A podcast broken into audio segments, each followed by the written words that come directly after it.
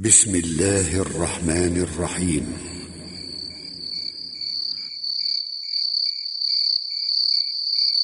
حي على الصلاة؟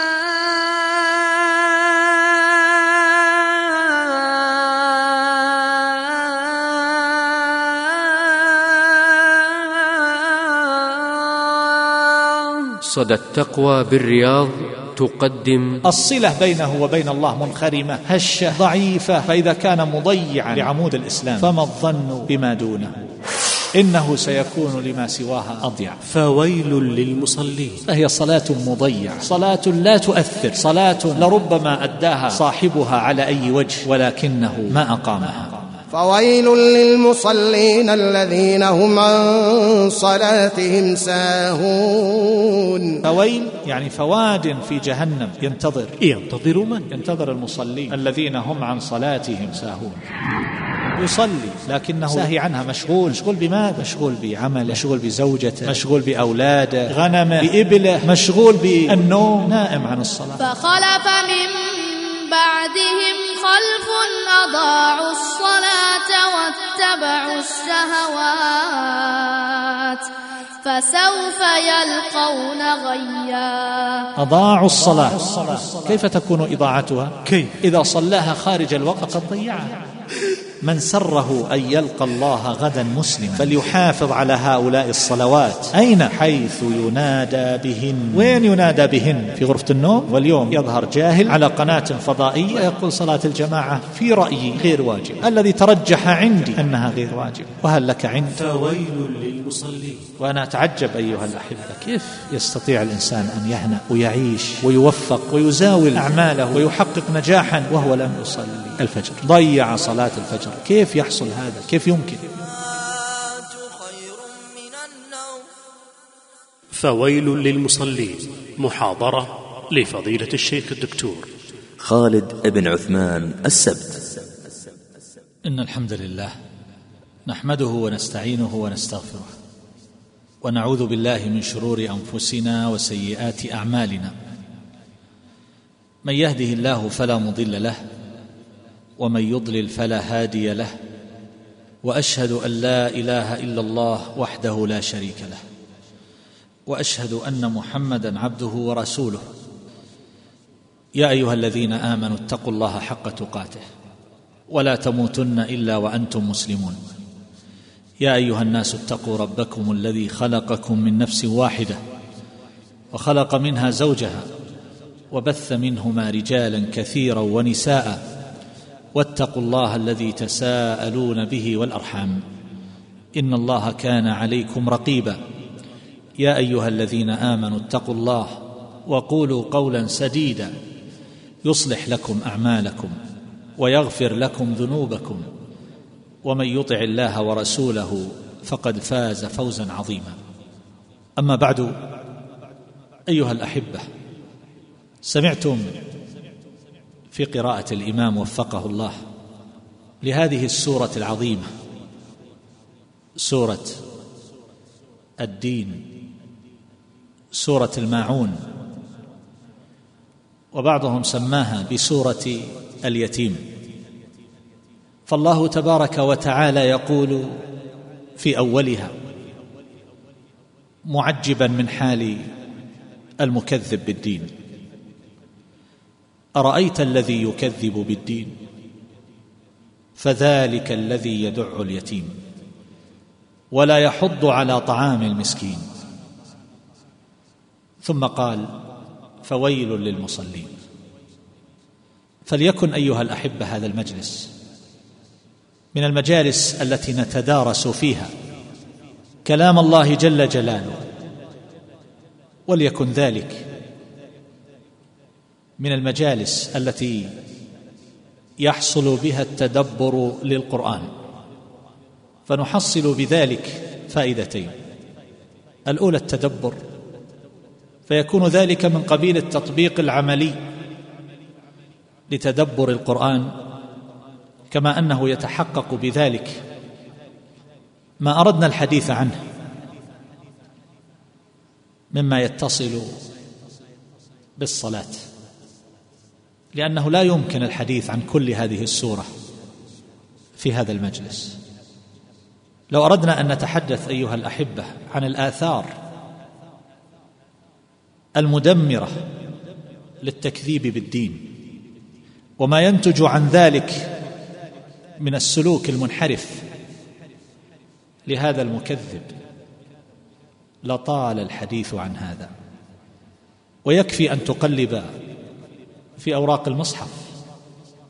فتجد ربنا جل جلاله يعلل كثيرا من السلوكيات والانحرافات بأن أصحابها لا يؤمنون بالآخرة لا يؤمنون بيوم الدين فيحملهم ذلك على كل فعل مشين فلا يتنزهون عن القبائح والجرائم والجرائر والأعمال المدنسة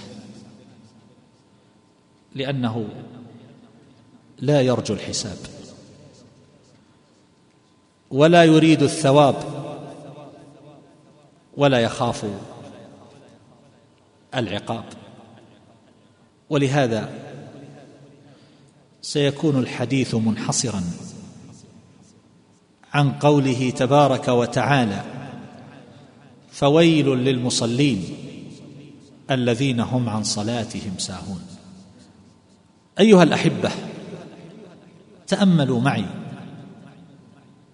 قول الله تبارك وتعالى في صدر هذه السورة أرأيت الذي يكذب بالدين؟ ثم ذكر صفتين من أوصافه فذلك الذي يدع اليتيم يعني يدفعه دفعا شديدا عن حقه. وهذا دليل على قسوة في القلب وتحجر في الضمير لأن اليتيم ضعيف مصغى الإناء منكسر القلب ترق له الأفئدة الحية. ولهذا أرشد النبي صلى الله عليه وسلم من أراد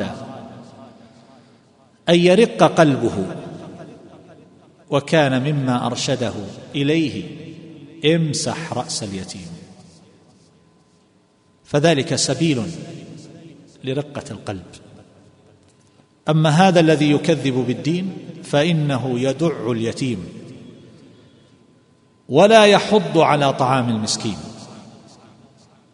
لا يحض نفسه ويحثها ولا يحض غيره لأنه لا يرجو عائدة ذلك. ويعتقد أن هذا البذل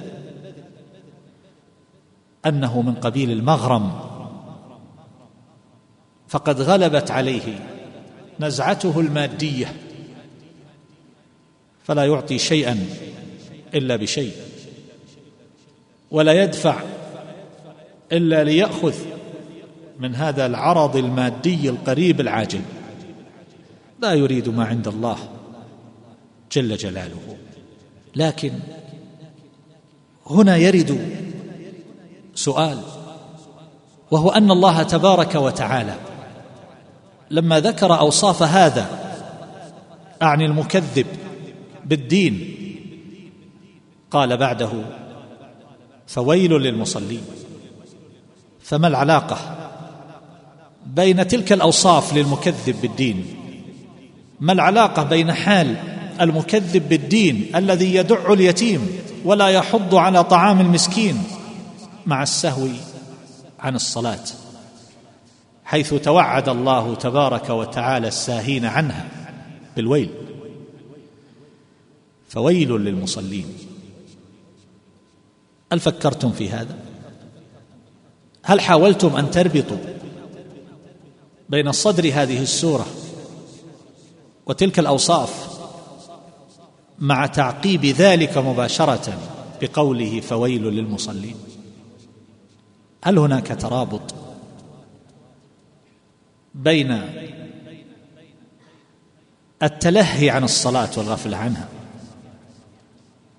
وبين حال المكذبين بالدين. يمكن أن يجاب عن ذلك بأجوبة أذكر منها أربعة. ولعلنا أيها الأحبة نتفطن لهذه المعاني ليكون ذلك باعثا لنا على التأمل في كتاب الله والنظر في معانيه. فلربما نسمع هذه السورة كثيرا. ولم يخطر ببالنا هذا السؤال أو لربما خطر في بالنا لكننا لم نفكر في الجواب. ولربما فكرنا في الجواب قليلا لكن لم نعطه حظه من النظر. فلم نخرج بشيء.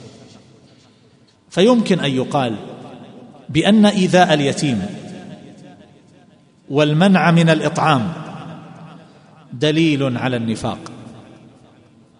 وإذا كان ذلك كذلك فإن الصلاة من غير خضوع ولا خشوع ولا مراعاة لأوقاتها وحرمتها أولى بأن تكون دالة على النفاق.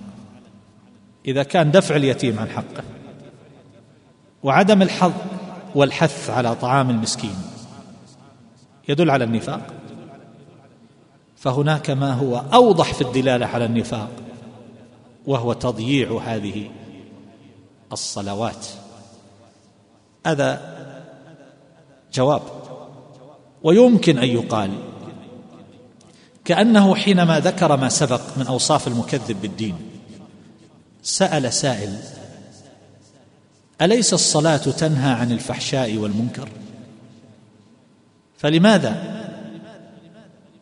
لم تكن صلاته تنهاه عن هذه القبائح من دفع اليتيم عن حقه المشروع وعدم الالتفات إلى المساكين الذين هم بحاجة إلى من يسد جوعتهم. أليس الصلاة تنهى عن الفحشاء والمنكر؟ كيف لم تنهى هؤلاء غلاظ الأكباد صلاتهم عن ارتكاب هذه القبائح؟ فأجيب عن ذلك بأنها صلاة مصنوعة من عين الرياء والسهو فهي صلاة مضيعة صلاة لا تؤثر صلاة لربما أداها صاحبها على أي وجه ولكنه ما أقامها. والله تبارك وتعالى في القرآن حينما يأمرنا بالصلاة يأمرنا بإقامتها. أقيموا الصلاة. في جميع المواضع ما قال أدوا الصلاة ولكنه يقول وآتوا الزكاة. فالصلاة لا بد لها من إقامة وهي التي قال الله تبارك وتعالى فيها حيث تكون مؤثرة وأقم الصلاة إن الصلاة تنهى عن الفحشاء والمنكر. فإن هنا تفيد التعليل أقم الصلاة كأنه يقول لأن الصلاة تنهى عن الفحشاء والمنكر. والفحشاء كل الذنوب العظام ما فحش من الذنوب والكبائر فهو فحشاء ويدخل في ذلك الزنا وما في معناه. إن الصلاة تنهى عن الفحشاء والمنكر. فهذا حكم للصلاة. حكم لها بأنها تنهى عن الفحشاء والمنكر. لكن هذا الحكم رتبه الله تعالى على وصف قبله وهو الإقامة. أقم الصلاة. إن الصلاة. فإذا أقمتها نهتك عن الفحشاء والمنكر. فإذا ضعفت إقامتنا لها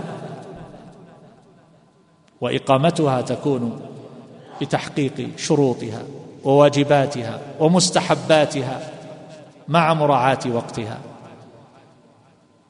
فكلما كان العبد مراعيا لهذه الأمور محققا لها كلما كان تأثير الصلاة في حقه أبلغ فكانت ناهية له عن الفحشاء والمنكر.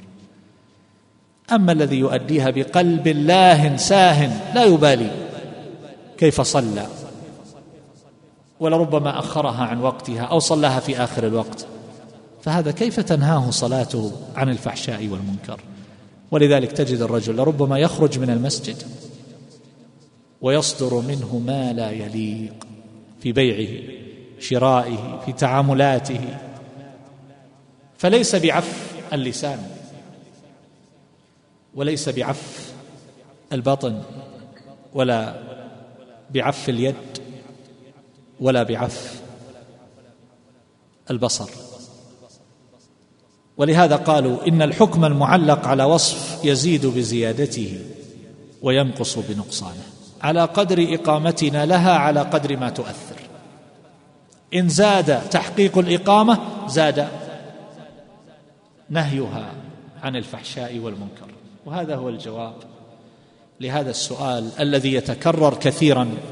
نحن نرى الناس يصلون ولكننا نرى الكثيرين لا تؤثر فيهم صلاتهم ولا تغير من واقعهم شيئا.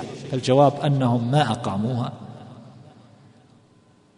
وإنما أدوها. هذا هو الجواب الثاني.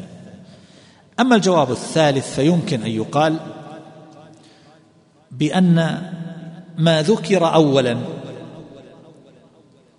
فذلك الذي يدع اليتيم ولا يحض على طعام المسكين إنما هو تقصير بما يجب من الإحسان إلى المخلوقين. وأما الثاني فويل للمصلين الذين هم عن صلاتهم ساهون فهو تقصير يرجع إلى تعظيم المعبود جل جلاله تقصير في حقه لم يعظم الله جل جلاله التعظيم اللائق به ولم يتأدب معه ومن جمع بينهما تضيع حق المخلوقين وتضيع حق الخالق استحكمت هلكته. لأننا بالمقابل أيها الأحبة ماذا نجد؟ نجد أن الله تبارك وتعالى في عامة المواضع إذا أمر بالصلاة قرن معها الزكاة إذا ذكر الزكاة ذكر معها الصلاة. الذين يؤمنون بالغيب ويقيمون الصلاة ومما رزقناهم ينفقون. وأقيموا الصلاة وآتوا الزكاة. يتكرر كثيرا في القرآن الاقتران بين الصلاة والزكاة. والسبب في ذلك كما يقول بعض أهل العلم أن الصلاة هي رأس العبادات البدنية والزكاة هي رأس العبادات المالية والعبادات إما بدنية وإما مالية. فذكر هذا وهذا. وبعضهم يقول وهو لا ينافي ما قبله بأن سعادة العبد دائرة بين أمرين الأول الإحسان إلى المخلوقين والثاني الإحسان مع الخالق والصلة به حسن الصلة بالله عز وجل. فالإحسان إلى المخلوقين رأسه الزكاة ما تقرب إلي عبدي بشيء أحب إلي مما افترضته عليه فالزكاة أفضل من الصدقة.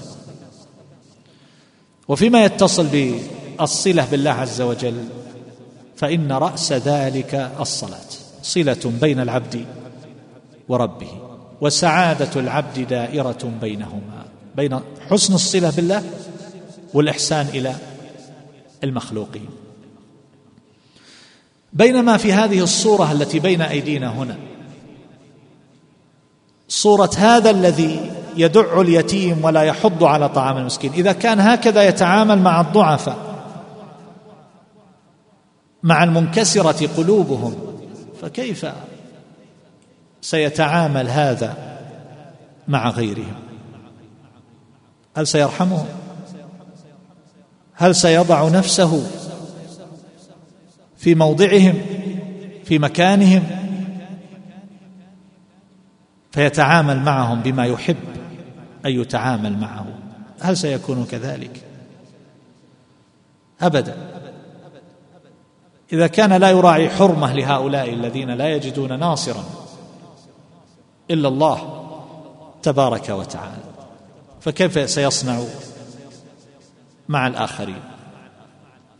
ثم إنه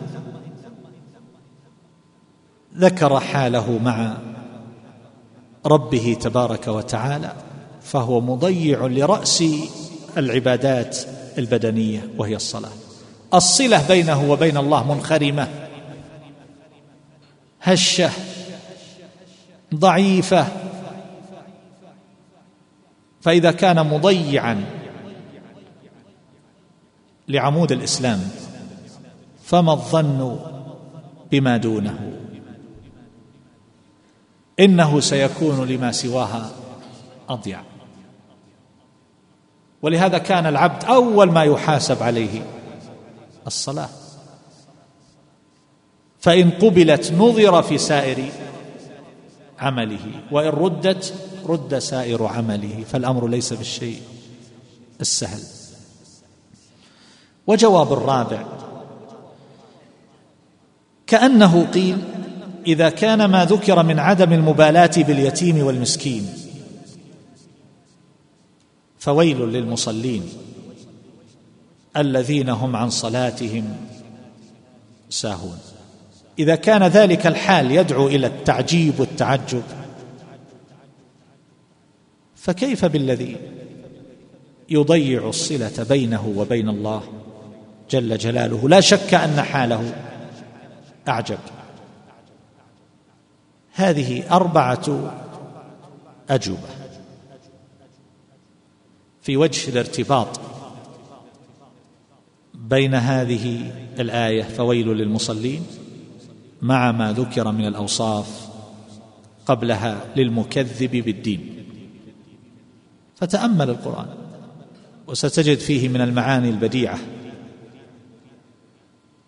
ما لا يقادر قدره. وعندئذ تشعر بحجم التفريط. وما يحصل للإنسان من الغبن والخسارة فيما مضى من عمره ولم يولي القرآن العناية اللائقة. أيها الأحبة قول الله تبارك وتعالى فويل للمصلين. ويل من أهل العلم من يقول إنه واد في جهنم. توعدهم الله تبارك وتعالى به. وورد في هذا التفاسير أحاديث مرفوعة لا تخلو من ضعف. لكنه جاء عن جماعة كثير من السلف رضي الله تعالى عنهم وأرضاهم واختار هذا المعنى كبير المفسرين أبو جعفر ابن جرير الطبري رحمه الله. أن ويل هذا فويل يعني فواد في جهنم.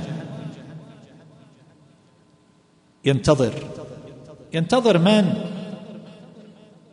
ينتظر المصلين الذين هم عن صلاتهم ساهون. لاحظ. ما قال فويل للذين لا يصلون؟ أولئك لهم شأن آخر. ما سلككم في سقر.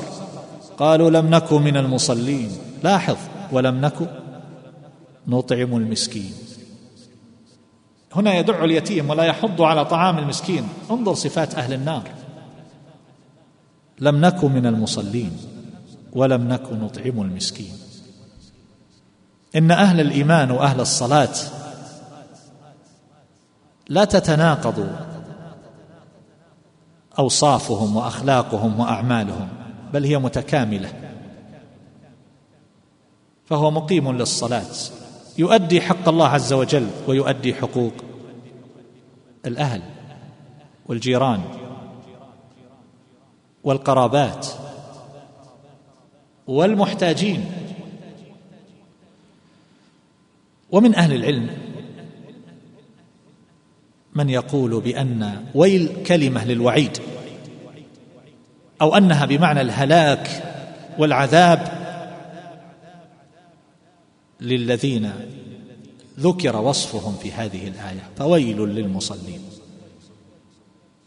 وهذا المعنى أوسع من الذي قبله. إذا قيل عذاب كلمة عذاب هلاك فيدخل في هذا الهلاك. تلك الصورة المذكورة الوادي الذي في جهنم. كما يقول السلف رضي الله عنهم. يسيل فيه صديد أهل النار. أعاذنا الله وإياكم والدينا وإخواننا المسلمين منها. يسيل فيها الصديد في هذا الوادي. فهذا الوادي لمن؟ للمصلين الذين هم عن صلاتهم ساهون. لاحظ. ما قال للذين لا لا يصلون. فهذه الآية يخاف منها المؤمن. ذكر الله لنا أوصاف الكافرين. وما ينتظرهم من العذاب لكن في هذه الآية. الوعيد للمصلين الذين هم عن صلاتهم ساهون. فبعض العلماء يقول إنهم يصلون. هذه الآية في المصلين ولكن هي في المصلين يعني لا يترك الصلاة. يصلي الصلوات الخمس لا يتركها. ولكن منهم من يقول كابن عباس رضي الله عنهما هو المصلي الذي إن صلى لم يرج لها ثوابا وإن تركها لم يخش عليها عقابا. يصلي. ولكن كأنها عادة. لا يستشعر.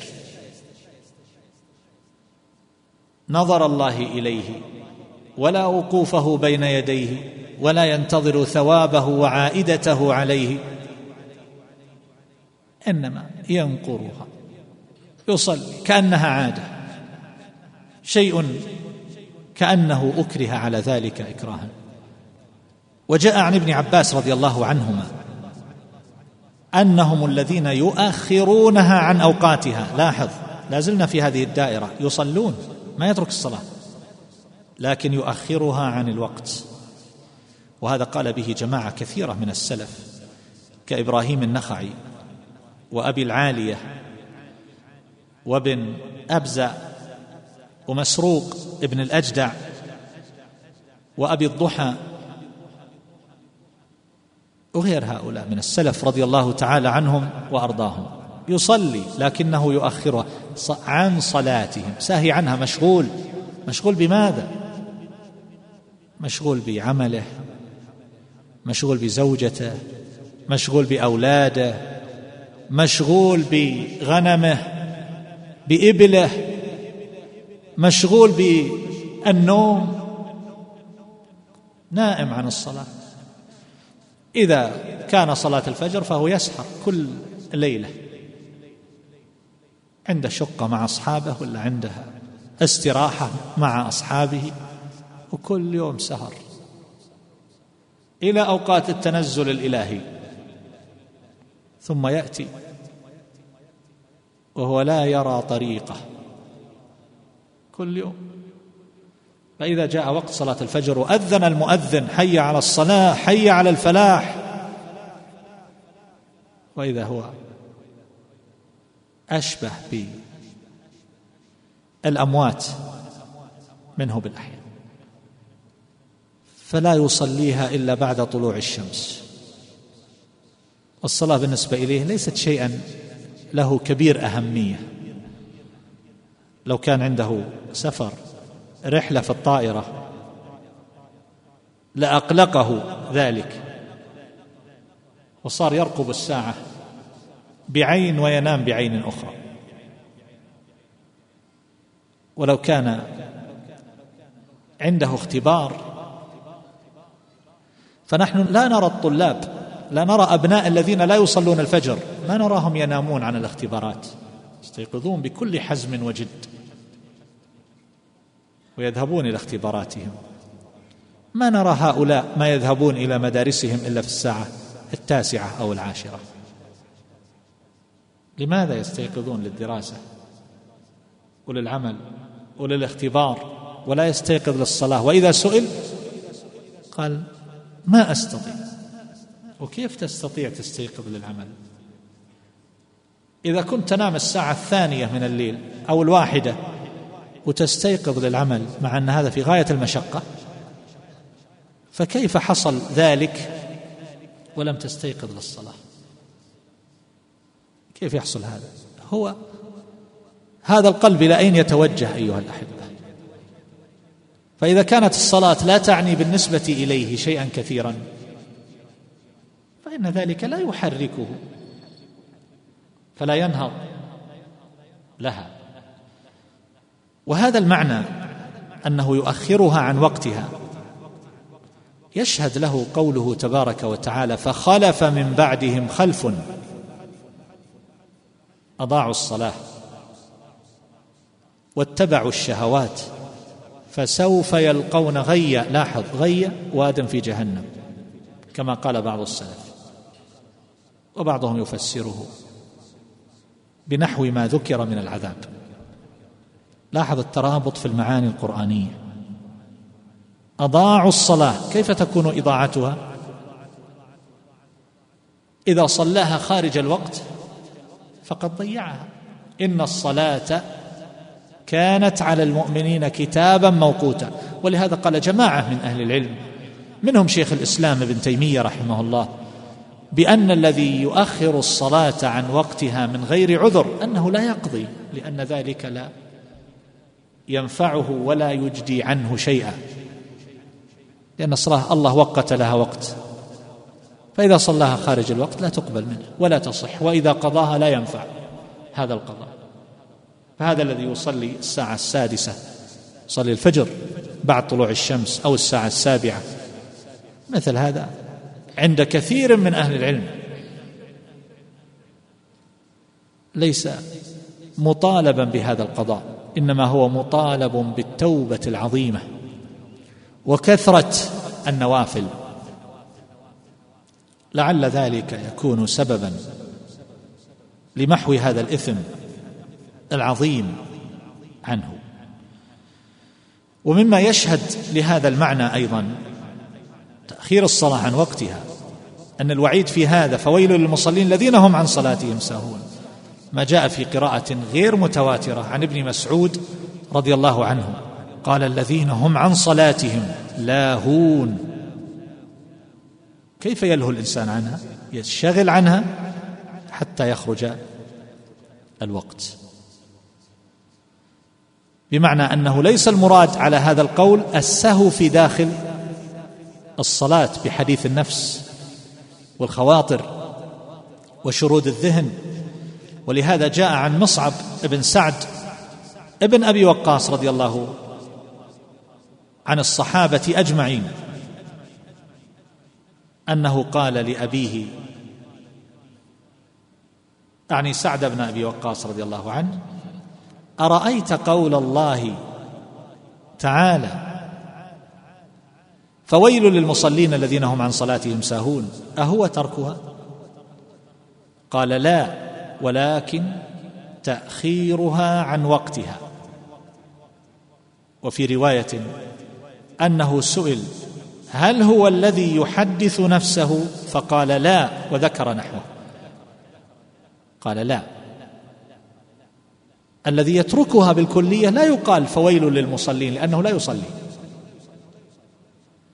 وأما الذي يسهو في داخلها في صلاته فإن بعض السلف فهموا أنه غير مراد كما جاء عن عطاء رحمه الله.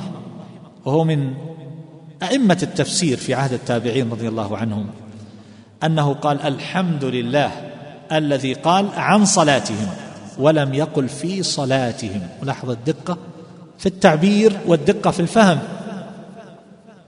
إذا قال الذين هم عن صلاتهم فهو لاه عنها. مشغول بغيرها. فضيعها حتى خرج وقتها. وإذا قال الذين هم في صلاتهم يعني في أثناء الصلاة وهو يزاولها يسهو فيها. فذلك أشد لأن الإنسان لا يستطيع الفكاك والخلاص من مثل هذا. اذا كل ذلك يرجع إلى معنى أنه يصلي ولكنه يلهو عنها يؤخرها عن وقتها يتشاغل عن صلاته. وبعضهم يقول إنها في الذين لا يصلون ولا يقصد هؤلاء من السلف رضي الله عنهم أنه لا يصلي بالكلية فهذا لا يقال فويل للمصلين لأن هذا ليس من المصلين. إنما قصدوا بذلك معنى ينبغي التفطن له وهو أنهم عن صلاتهم ساهون بمعنى أنه يترك بعض الصلوات. كما يقول الناس اليوم يصلي ويخلي. إذا كان مع الناس في مناسبة من المناسبات ذهبوا إلى المسجد كان في المكتب أرادوا يصلون الظهر قاموا صلى معهم. وجد نفسه نشيط صلى في المسجد. وجد نفسه غير نشيط صلى في بيته. ولربما تركها ترك بعض الفروض بالكلية لا يصليها. يضيعها تماما. يقوم من نومه صلى الله العافية ويخرج إلى عمله. عفيف الجبهة كما يقال.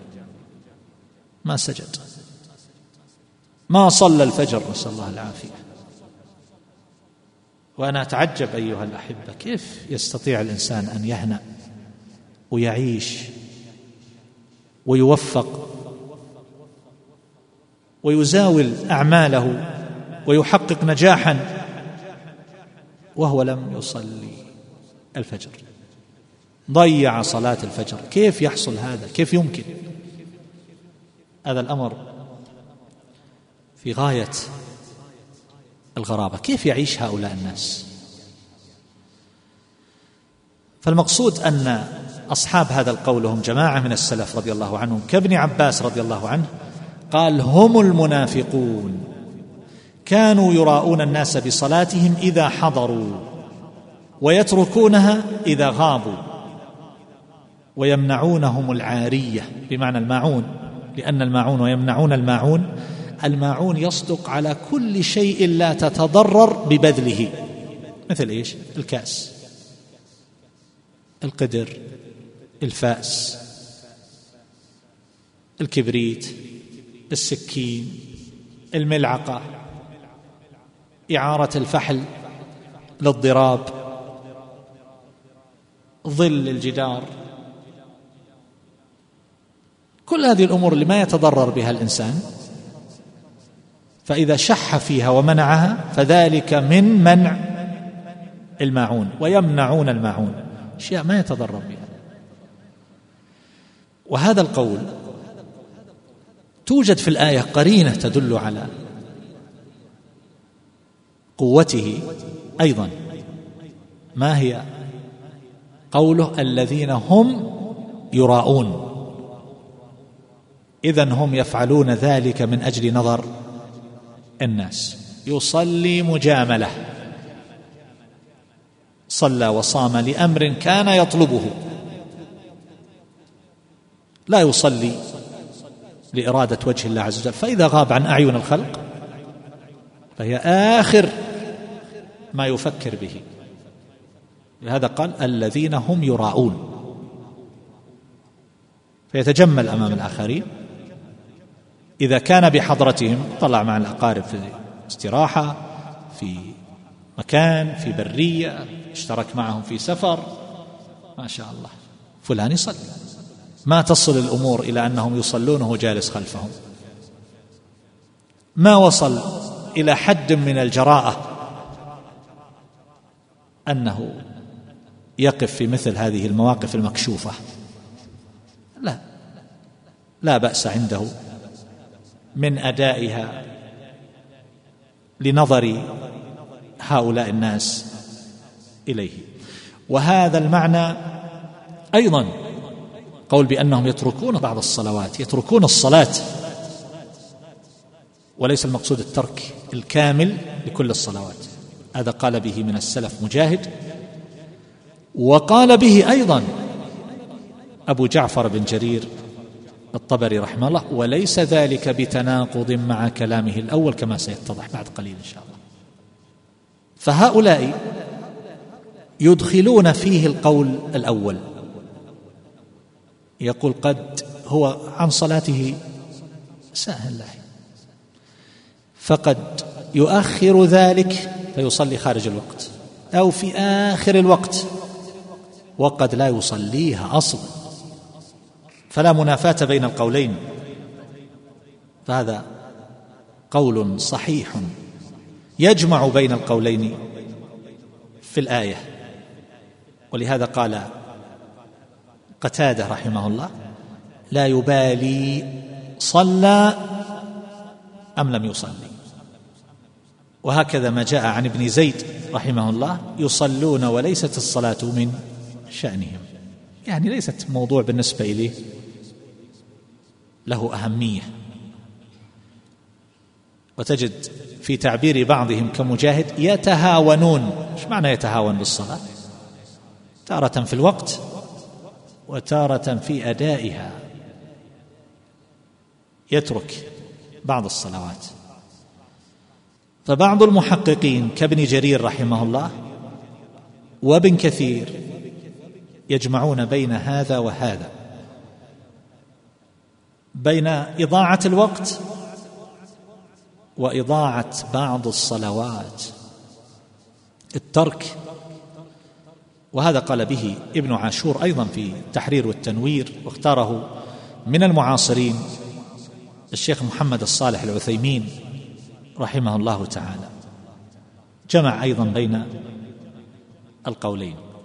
والحافظ بن كثير رحمه الله فسرها بتفسير يجمع القولين وزيادة. فهو يرى أن ذلك فويل للمصلين هذا الوعيد وهذا الاتصاف الذين هم عن صلاتهم ساهون يصدق على من تركها. كما أنه يصدق على من لم يفعلها في الوقت المقدر لها شرعا. صلاها لكن خارج الوقت. كما أنه يصدق هذا اللي قلت وزيادة. على أولئك الذين يؤدونها لكن قد يضيعون بعض أركانها أو شروطها أو واجباتها فلا يؤدونها على الوجه المأمور به. قد يصلي بدون وضوء وقد يصلي بوضوء ناقص وإذا صلى رأيت العجب في تلك الصلاة نقر. يعني ربما تلتفت وإذا به قد سلم. صليت. ما أمداك تقرأ الفاتحة. كيف صليت أربع ركعات؟ وإذا نظرت إلى هذه الصلاة إما الجبهة مرفوعة على سان المرزام ما يتأثر. وإما الأنف مرفوع لشدة العجلة. أو لا يكاد يلامس الأرض بوجهه. وإذا نظرت إلى القدمين لربما كانت مرفوعة. والسجود ينبغي أن يكون على سبعة أعضاء. فبعض الناس تنظر إلى حالة تقول صلى أو لم يصلي. ما هذه الصلاة؟ أهكذا تصلي. سائر أيامك؟ هذه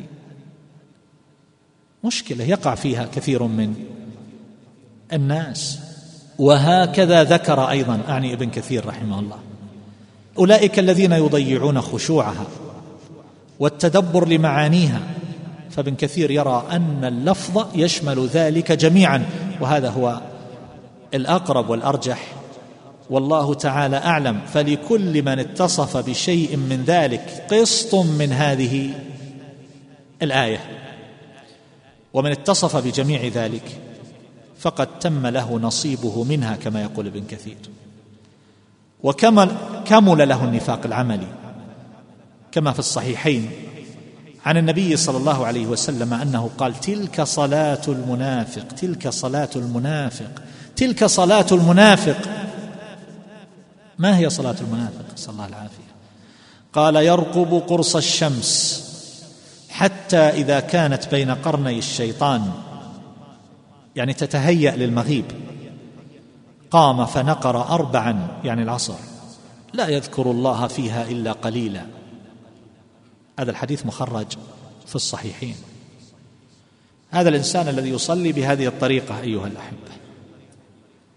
يأتي من العمل وينام. وقد بقي على أذان العصر لربما نصف ساعة. وينام إلى المغرب. قد يصلي قبيل المغرب. وقد لا يصليها إلا بعد المغرب.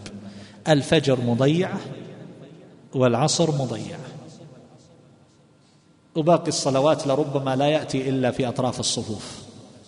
وإذا أدرك ركعة واحدة اعتبر أن هذا من أعظم المكاسب إنه أدرك الجماعة تدرك الجماعة بالركعة. أما الفجر فلو حصل في يوم من الأيام أنه صلاها في الوقت بعد انصراف الناس من الصلاة هو يعتبر أنه ما شاء الله يتحدث في المجالس. أنه استيقظ ذلك اليوم التاريخي. فصلاها في الوقت. وقد سمعت أحد. الصبيان يقول لأبيه في مناسبة من المناسبات. قام أبوه مع آخرين حينما كان معهم يصلي الفجر فقام فأوقظ الولد وما اعتاد الولد أن يوقظه أحد. رايته يسأل أباه ببراءة يقول هذه إيش الصلاة؟ أول مرة يوقظ في هذا الوقت يقال له صل. يقول إيش الصلاة هذه؟ ما تعرف عليها. هذه مشكلة يقع فيها كثير من المسلمين والمسألة ليست سهلة. فويل للمصلين. وقد جاء في حديث ابن مسعود رضي الله عنه قال من سره أن يلقى الله غدا مسلما.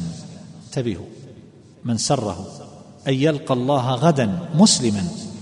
فليحافظ على هؤلاء الصلوات. أين؟ حيث ينادى بهن. وين ينادى بهن؟ في غرفة النوم؟ أين ينادى بهن؟ واليوم يظهر جاهل على قناة فضائية.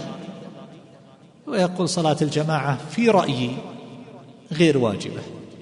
الذي ترجح لي أنها غير واجبة ترجح لك. ترجح عندي أنها غير واجبة.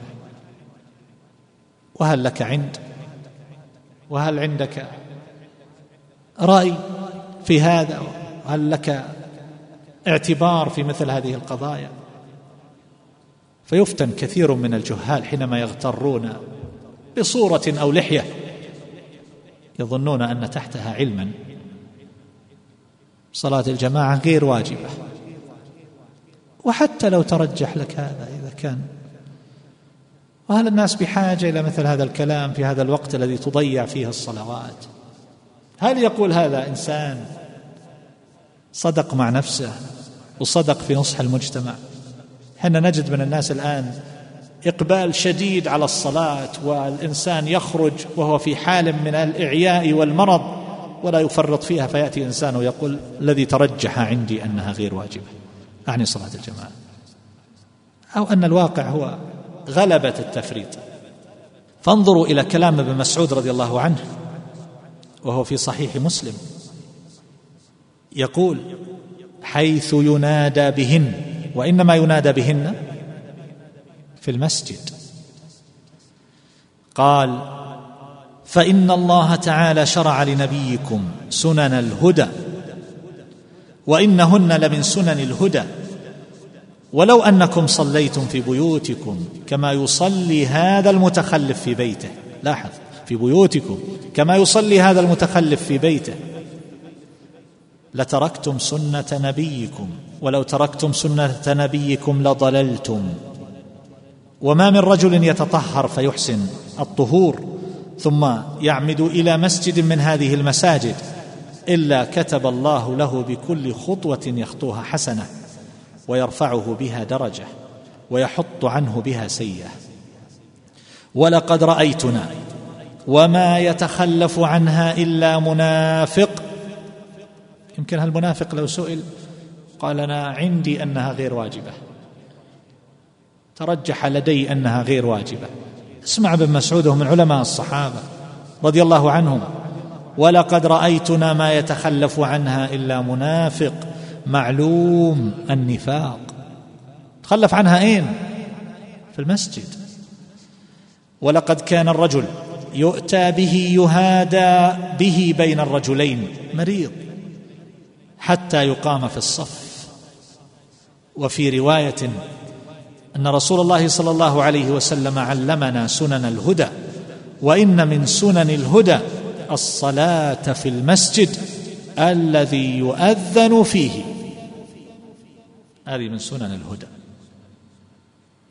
فلا حاجة لأن يأتي أحد ويتفلسف ويشاهده الملايين فيجني على نفسه ويجني على هؤلاء. وتأمل ما قاله أبي بن كعب رضي الله تعالى عنه حينما ذكر أن النبي صلى الله عليه وسلم صلى بهم يوما الصبح فقال أشاهد فلان؟ قالوا لا. أشاهد فلان؟ قالوا لا. فماذا قال النبي صلى الله عليه وسلم؟ قال إن هاتين الصلاتين أثقل الصلوات على المنافقين. هل صلاة الفجر ثقيلة علينا؟ هل هي أثقل الصلوات علينا؟ قال ولو تعلمون ما فيهما لأتيتموها ولو حبوا على الركب. وإن الصف الأول على مثل صف الملائكة ولو علمتم ما في فضيلته لابتدرتموه. وإن صلاة الرجل مع الرجل أزكى من صلاته وحده. وصلاته مع الرجلين أزكى من صلاته مع الرجل.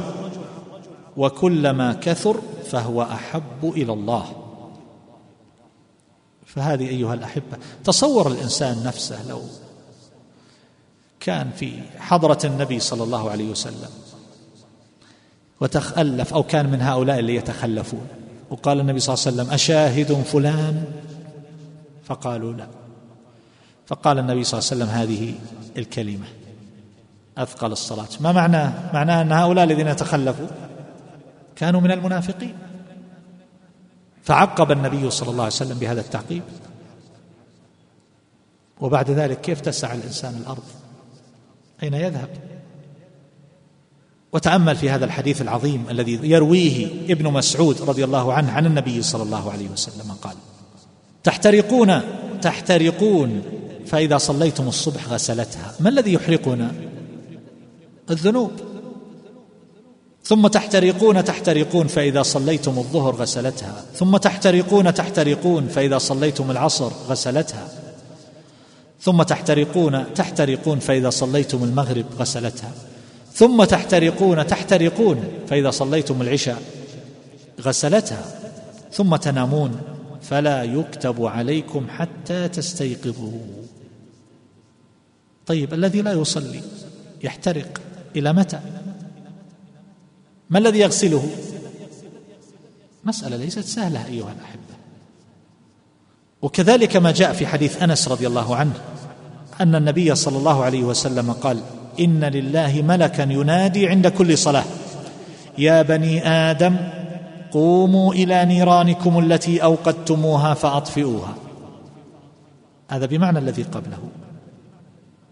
قد قال عنه الشيخ الألباني حسن لغيره. وهكذا أيضا جاء عن النبي صلى الله عليه وسلم من حديث ابن مسعود رضي الله عنه. يبعث مناد عند حضره كل صلاه.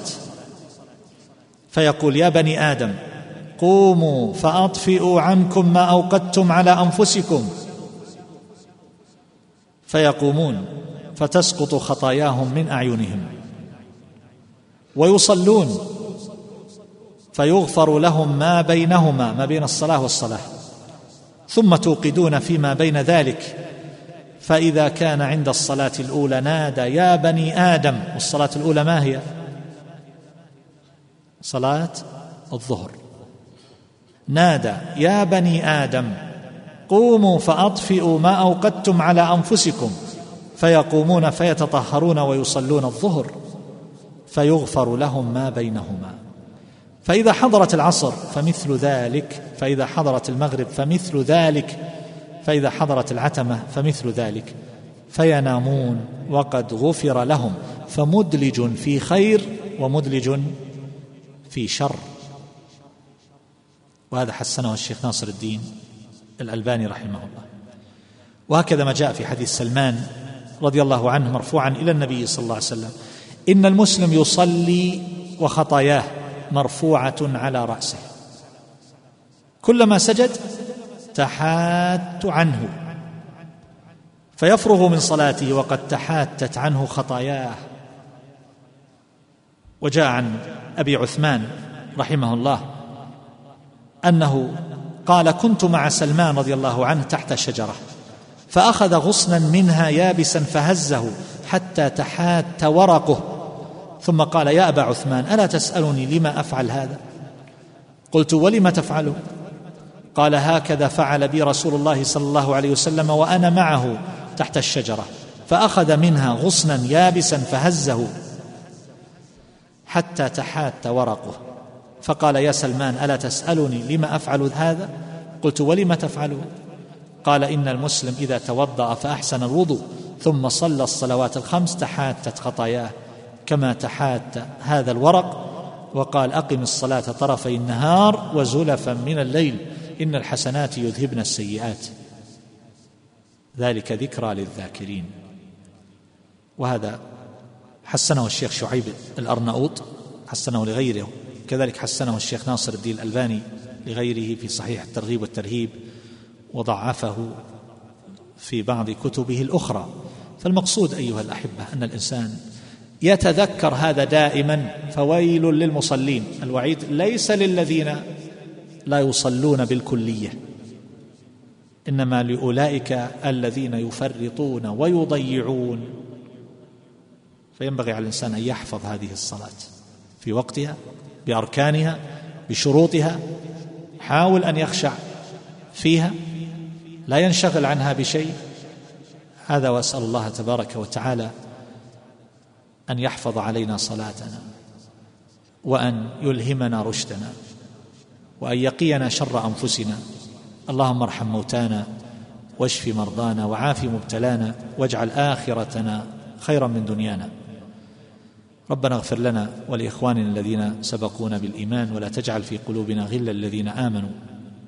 أشكركم أيها الأحبة على حسن إنصاتكم وأشكر الإخوان الذين رتبوا هذا اللقاء في المكتب التعاوني وأسأل الله عز وجل أن يتقبل منا ومنكم. صلى الله على نبينا محمد وعلى آله وصحبه.